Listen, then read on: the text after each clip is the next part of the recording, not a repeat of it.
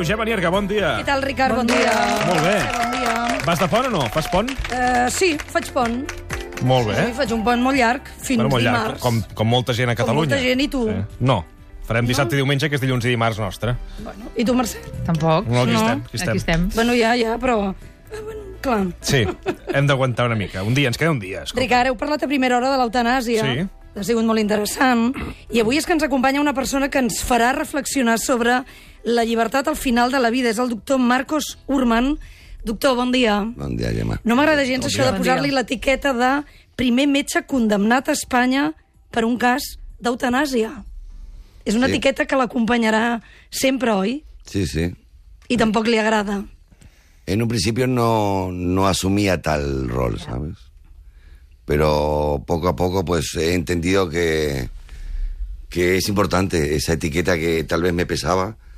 Hoy se ha transformado en estos últimos dos años en algo maravilloso, que tampoco lo hubiera pensado, pero sí que, que al salir un poco a la luz toda esta historia, es como una paz interior, eh, tanto mía como la de Yolanda y la de mi familia. Eh, Doctor, m'agradaria que recordéssim els fets. Eh, una pacient va ingressar a l'Hospital de Mora d'Ebre 28 de març de 2005 i a partir d'aquí què va passar, doctor?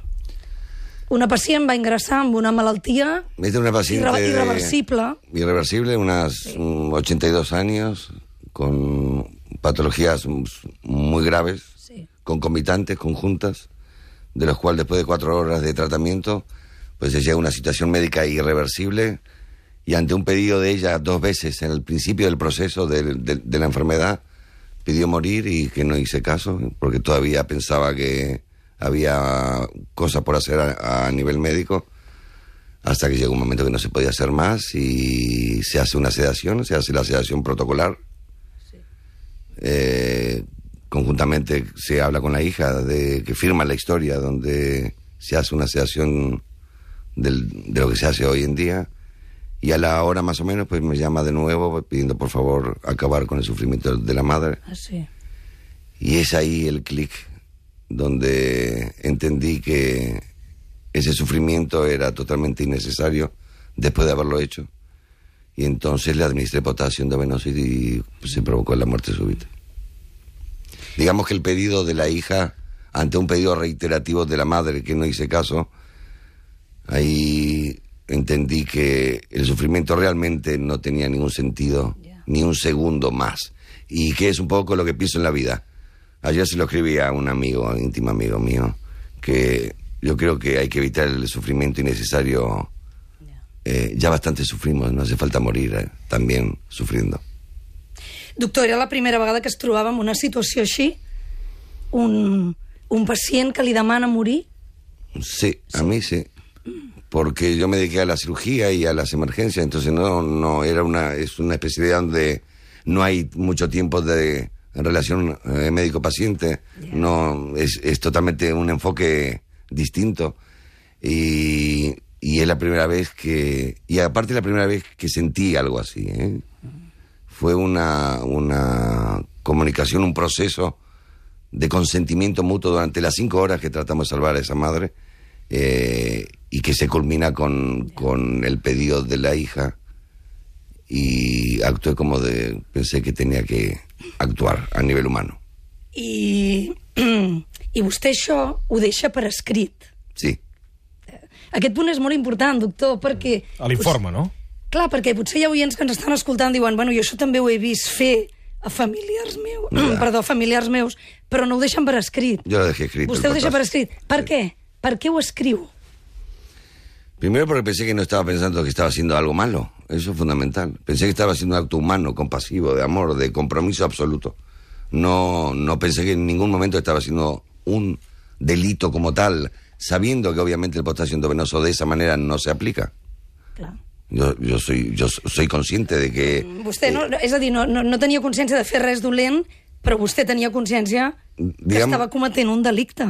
en ese momento no me importaba. Si lo hubiera, si lo hubiera pensado como tal, fue más la, la, el compromiso, el sentimiento, la compasión de ver a esa hija sufrir la cara, ese no me lo voy a olvidar más, que no me pareció que nada más hubiera superado esa sensación. Hi ha metges que fan el mateix que vostè i no ho deixen per escrit? A ver, esto me lo preguntaron muchas veces, Mercedes. No, yo un solo, una sola vez en 35 años de médico que tengo, eh, lo hizo un médico en, en la Argentina, un reciente cirugía general, eh, y que no lo escribió en la historia. Yo después, el potasio, la sedación con, eh, con mórficos y derivados es algo habitual en la sedación que está protegida por la ley. Pero la diferencia, ¿cuál es? El tiempo, Eh, el tiempo. el tiempo. Es un tema muy, este, muy controvertido esto. Eh, los derivados mórficos tienen una sedación, de lo cual el paciente está dormido y tiene unos efectos adversos, de lo Ya. cual es, eh, inhibe el sistema respiratorio y, en consecuencia, provoca un- la parada cardíaca. El potasio provoca la parada cardiorrespiratoria con arritmia ventricular y es súbito. Es una cuestión de, de tiempo. Si a un paciente terminal se le aplica mo- morfina en dosis profundas, es lo mismo. Lo que pasa es que son sedaciones diferentes y depende un poco también de la actitud del I una médico. cosa, una cosa és legal i l'altra l'altra no. Sí, és totalmente. així. Totalmente. Aparte, la sedación mórfica es algo totalmente aceptado y la administración de potasio no. Clar, però llavors tot és una hipocresia de la societat, no? Sí, sí. Bueno, yo creo que es Estem una... ajudant, estem ajudant a morir o menys A ver, esto es un tema eh, de hipocresía absoluta lo que, lo que pasa, ¿no? La, la, la realidad es, la realidad que yo pienso que es, que ante una situación médica irreversible, donde los médicos hemos hecho todo, donde hay un pedido explícito de, de un paciente que no quiere sufrir, eh, es totalmente para mí suficiente como para entender que su derecho a morir como él quiera, rodeado de sus seres amados, no en una cama de un hospital, no cuando el sistema le diga usted morirá cuando nosotros le decimos, sin ninguna opción a preguntar, de, de explicar, creo que esto a los que lo piden hay que escucharlos. De hecho, los que no lo piden mueren donde el sistema les acepta y de la manera en que el sistema eh, eh, está en el día a día. Y nadie puede replicar o decirles, no, usted morirá eh, como nosotros queremos, no. Se mueren como ellos quieren morir, sin ningún tipo de preguntas, si no las han hecho, y es lo que hay. Y nadie les va a pedir que sea al revés. Clar, la clau aquí ¿Por qué, és... no, ¿Por qué no se los escucha a aquellos que llegan a un punto? Porque dice, es un proceso, nadie quiere morir en esta vida. ¿No? ¿Quién quiere morir? La nadie quiere morir. No, pero yo no quiero morir, pero doctor, lo que no quiero es sufrir. Claro. O sea, más miedo que morir, a mí me da sufrir. Pero nadie te escucharía hoy, Ja. Gemma. És Este- deixar este es el segurament un testament vital, Exacto. des Eh, del minut 1. Exactamente. Y, y el... I amb això potser no hi pensem. Por eso, por eso el, aquí en Cataluña se llama documentos de voluntades anticipadas, que lo lleva la asociación de DMD, del cual desde aquí Sí. Todo mi reconocimiento a Això todo el trabajo, eh? sí, todo el trabajo que hacen desde su presidenta Isabel Alonso hasta todas las personas que trabajan aquí y en recordatorio también cabe el lugar para recordar a- al doctor Luis Montes que falleció yendo a dar una charla sobre este tema luchando desde hace mu- muchísimos años para que esto salga adelante y todavía estamos por un camino a recorrer. Sí, perquè, doctor, aquí el greu és que vostè el denuncia al propi hospital. No la, no la família de la, de la morta, sinó és l'hospital. Per lo- què? esto es lo per què el triste. denuncien? Y porque no les caía muy bien, parece. Sí? Parece ser que no les caía muy bien. Habría que, que preguntárselo a ellos exactamente por qué me, por qué actúan de esta manera tan rápida también. Y piensa que el incidente fue después de, do- de dos meses. No fue a la semana o al día donde yo les informo lo que había pasado. Ja. Sino pasan dos meses y por alguna circunstancia que no lo sé, ni hoy, hoy ya no, no tiene ninguna importancia en mi vida, eh, el director del hospital fue a denunciarme un viernes a la noche a las diez y media como si fuera un asesino. La familia, y este es un punto muy importante, la familia siempre estuvo al lado porque entendió que el que estaba al lado en ese momento, en las horas finales de su mamá, era un, un ser humano, no un médico nada más distante, que nada más trataba la patología. y, y me han respetado en todos estos años y también es un agradecimiento increíble porque de esa hija nunca dudé. Lo que no analicé es el entorno y tal vez ingenuidad, mm, podríamos ponerle muchísimos calificativos, no lo calculé, no calculé nada en ese momento. De la misma manera que escribí honestamente en un papel en la historia lo que había administrado y lo que había cargado yo mismo. Fueron los mismos colegas que me hicieron esto. sí. Carai. Sí, alguna vegada, doctor, vostè ha dit no tornaria a fer el mateix. No. No. y sigo diciendo lo mismo. Y, y no lo haría porque eh, sería una, una hipocresía decir que sí. Yo no soy ni, ni víctima, ni victimario, ni soy Jesucristo, ni, ni Mahoma, ni Jehová, ni nadie. Soy un ser humano común que actuó humanamente. Y todo se le vino se le vino en contra, ¿no? Pero no lo volvería a hacer como está la ley hoy. Absolutamente no. No. Eh, pero convencido, por supuesto. Yo estoy convencido que, Però, doctor, que no, no hay que no tornaria a ajudar aquella dona a morir o no tornaria a escriure-ho en l'informe mèdic? no tornaría No tornaria a ajudar aquella dona a a ayudar de la manera que lo hice ese mismo día, esa misma noche con el potasio. No. No. Me hubiera, si, si no me hubiera No, no, perquè això va tenir unes conseqüències per vostè El preu va ser eh, molt alt, no? terribles, Sí. no? El, el, el preu es, eh, sigue siendo muy alto. Eh, Ara treballa, doctor? Sí, estoy haciendo urgencias a domicilio. Sí, hace cinco años. Trabajo en una medicina que no, que no pensé que iba a hacer nunca y de lo cual me, me ha gratificado de una manera increíble entrar en las casas de, de la gente, ayudarlas, tomar un café con un paciente, hablar de la vida también y no nada más de una patología. Eh, Me ha reconfortado y he conocido gente maravillosa. Sí, sí, estoy muy contento de eso al principio era como, uy, ¿qué estoy haciendo, no? Con toda la, con toda la formación, etcétera, etcétera, y uno se da cuenta que al fin y al cabo la vida es mucho más que un título y, y la vida es la gente y amar lo que uno hace y amar a la gente que uno quiere.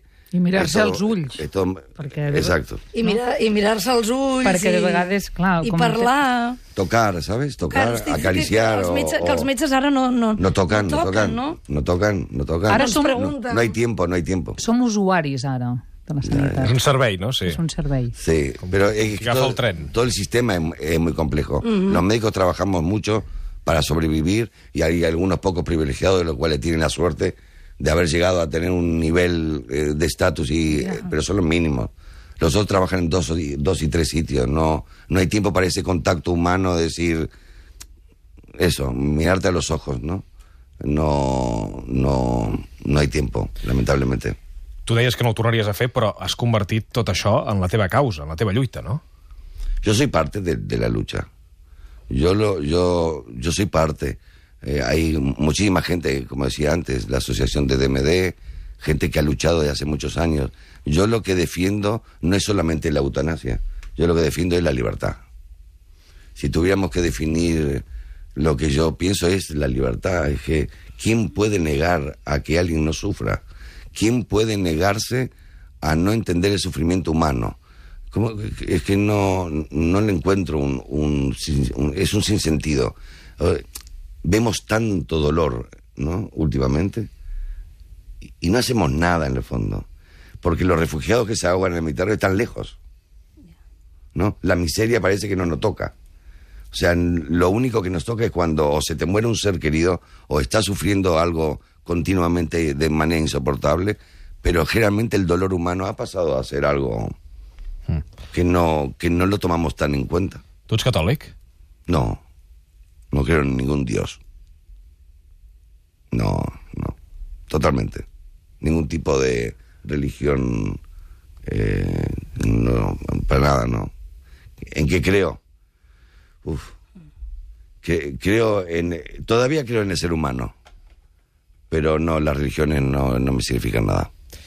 Mira, ha trucat un, un pacient eh, que va ser teu. És el Magí Fortuny. Magí, bon dia. Hola, bon dia. Què dius, Magí? Bé, no, només estava escoltant l'entrevista que esteu fent al doctor Hurman i només corroborar les seves paraules. Mm, En una època vaig ser pacient d'ell, tot i que la meva patologia no era la seva especialitat, però em va fer un diagnòstic molt encertat, del qual encara n'estic gaudint ara mateix en qualitat de vida. Aleshores, doncs, bueno, era corroborar les seves paraules i el suport doncs, a la qualitat humana d'aquest doctor. Que bonic. Gràcies, Magí. Una abraçada. Bon dia, Adéu, Magí. igualment. Adéu, adéu. Se'n recorda del Magí? Y tan, Sí. La verdad que esto es lo que te decía antes de, de llegar a las casas, eh, te pasa esto, ¿no? Es más allá una relación médico-paciente, eh, uno habla de la vida y es algo súper maravilloso lo que... Gracias Maggi, por, por supuesto, y, y estoy muy agradecido a muchos pacientes que, que me han dado esta oportunidad de entrar en, en su casa. No es lo mismo, ¿sabes? De que te están esperando a que en el hospital estés eh, cinco horas en una sala de urgencia sin nombre. eh, y es mucho más inhumano todo eso. Pero es el sistema el que falla, es el sistema.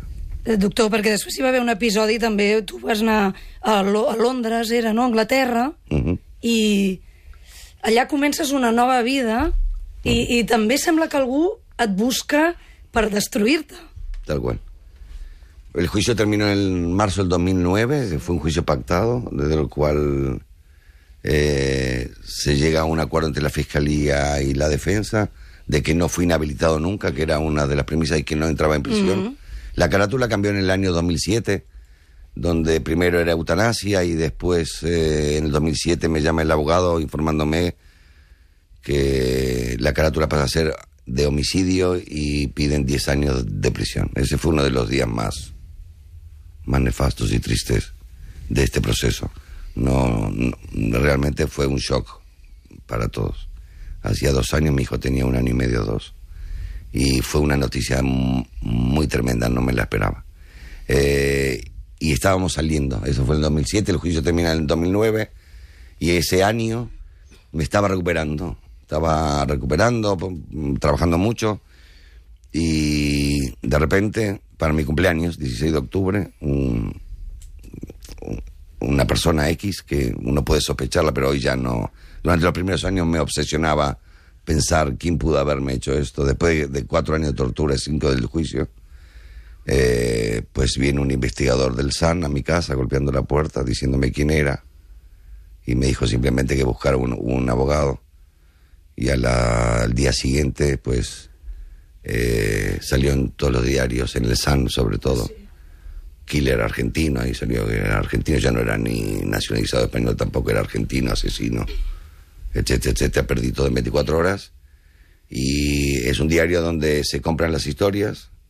Y un fue alguien anónimo, que eh, hoy no lo, no lo sé ni lo sabré, eh, y hoy ya no me importa. Y en 24 horas volví a perder todo. Y a los dos meses decidimos volver. No tenía más chance en Inglaterra. Emocionalment, com ho has portat? Has patit depressió? No, nunca. Lo- uno de los días más tremendos fue cuando, después de ver al abogado, de- que empezaba el proceso, eh, estuve un fin de semana. Yolanda tiene esa imagen mía en el jardín de casa. Creo que fumé 60 cigarrillos en tres horas, con la cabeza cogiéndome el pelo, porque no podía creer lo que estaba pasando, porque el abogado me había dicho que podía venir la policía y que podía estar 24 horas in- incomunicado, que es un proceso habitual, que no lo creía. Cada timbre en casa era un, alarma. Ese momento emocionalmente fue uno de los más duros. El otro cuando me dicen que me culpan de, homicidio, eh, pero no dejé de trabajar nunca. Ni un solo día dejé de ir a trabajar. Nunca. No, no soy depresivo, no, no tengo, soy, soy fuerte en ese aspecto. Eh, lo que sí me llevé una hipertensión arterial, soy hipertenso desde que me informan en el SAN, hice una crisis hipertensiva, me puse a 240, 140, con un dolor torácico, dije me estoy infartando. Eh, pues se me caía todo después de cinco años de tortura y me quedé hipertenso. Digamos que lo que me llevo es la hipertensión arterial. Por ahora, que no, no es tanto. No es tanto. Tu per què et vas fer qué pregunta esta. Lo escribo en el libro. Creo que es algo que se fue generando poco a poco en mi vida y yo no me daba cuenta que tenía esta aptitud de ser médico. Mi hermano influyó, como es una parte, mi hermano es médico y ha sido un ejemplo como médico, no como persona, como médico sí.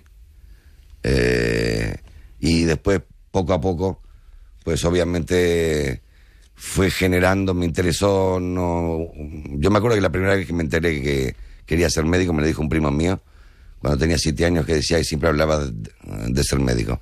Creo que lo, poco a poco lo fui... Prenent consciència, que volies. Sí, e- exactamente.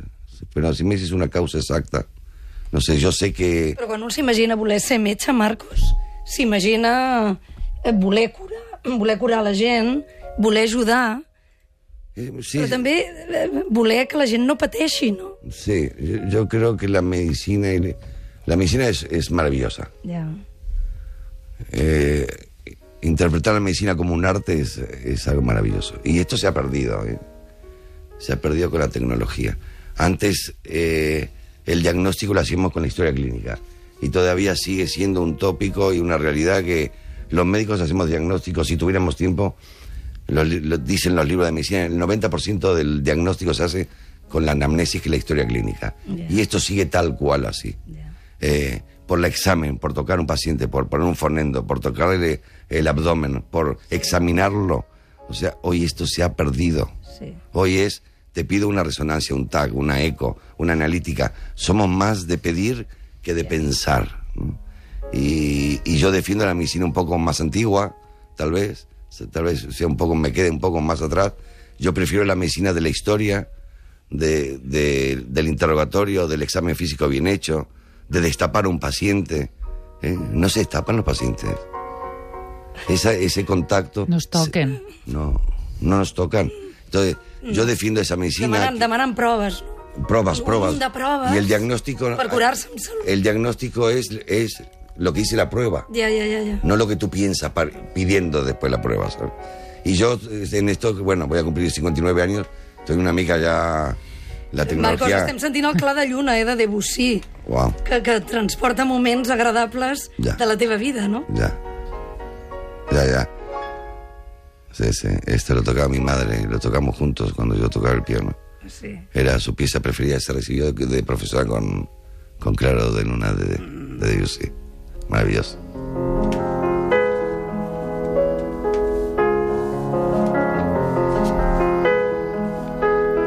Marcos Ariel Urman, moltíssimes gràcies. A ti. Ricardo, a ustedes, por invitarme. Muchas gracias. Gemma Nierga, fins la setmana que ve. Fins la setmana que ve, adéu. Bon bon.